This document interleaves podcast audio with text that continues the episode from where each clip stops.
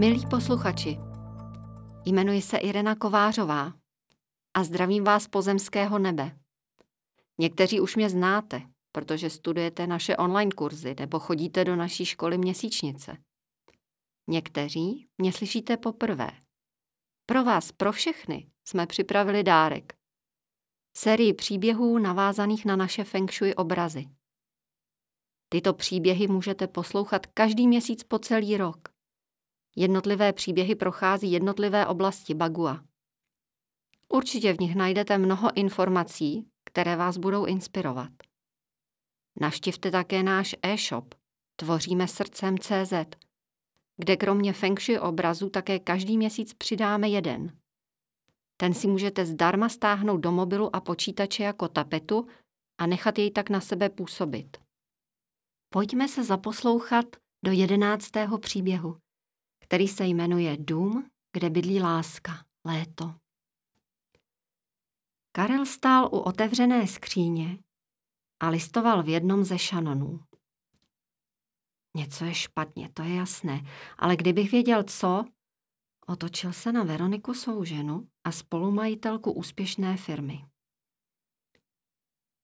Veronika se zamyšleně podívala na Karla.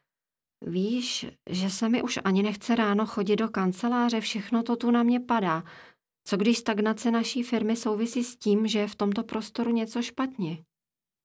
To je nesmysl, zavrtěl hlavou Karel.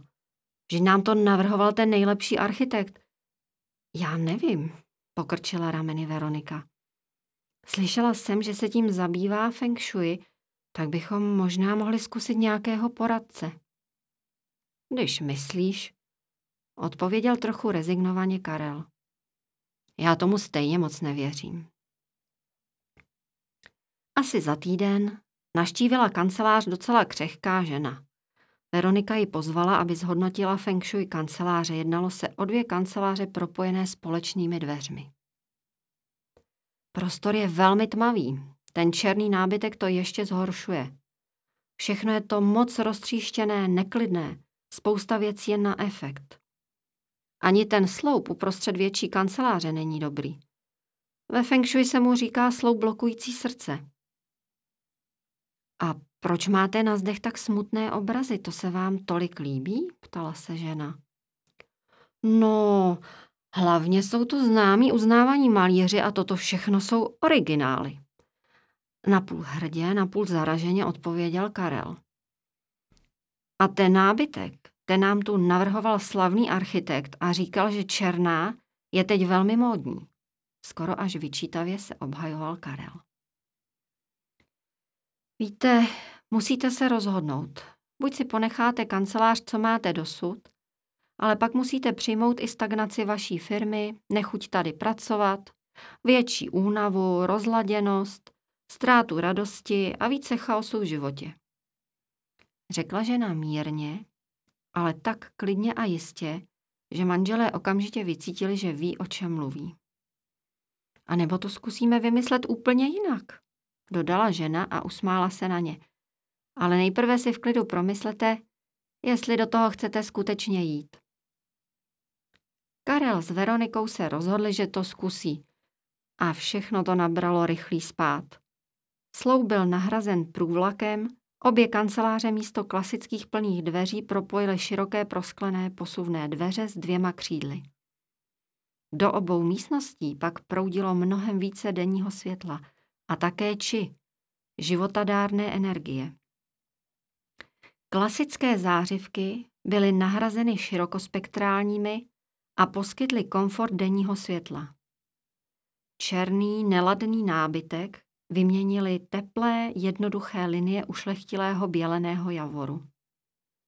Místo žaluzí, které také nejsou z hlediska feng shui vhodné, byly na okna použity záclony a závěsy. Veronika si prohlížela tu neuvěřitelnou změnu. Místnosti byly vzdušnější a světlejší, ale Veronice navíc připadalo, jako kdyby se jednou tolik zvětšily. Prostor působil měkce, harmonicky a přestože byl velmi jednoduchý i útulně a radostně.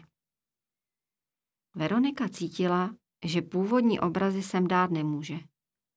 Proto se zaradovala, ale také podivila, když autorka této proměny donesla obraz dům, kde bydlí láska léto a zpívání o radosti a pověsila je v kancelářích.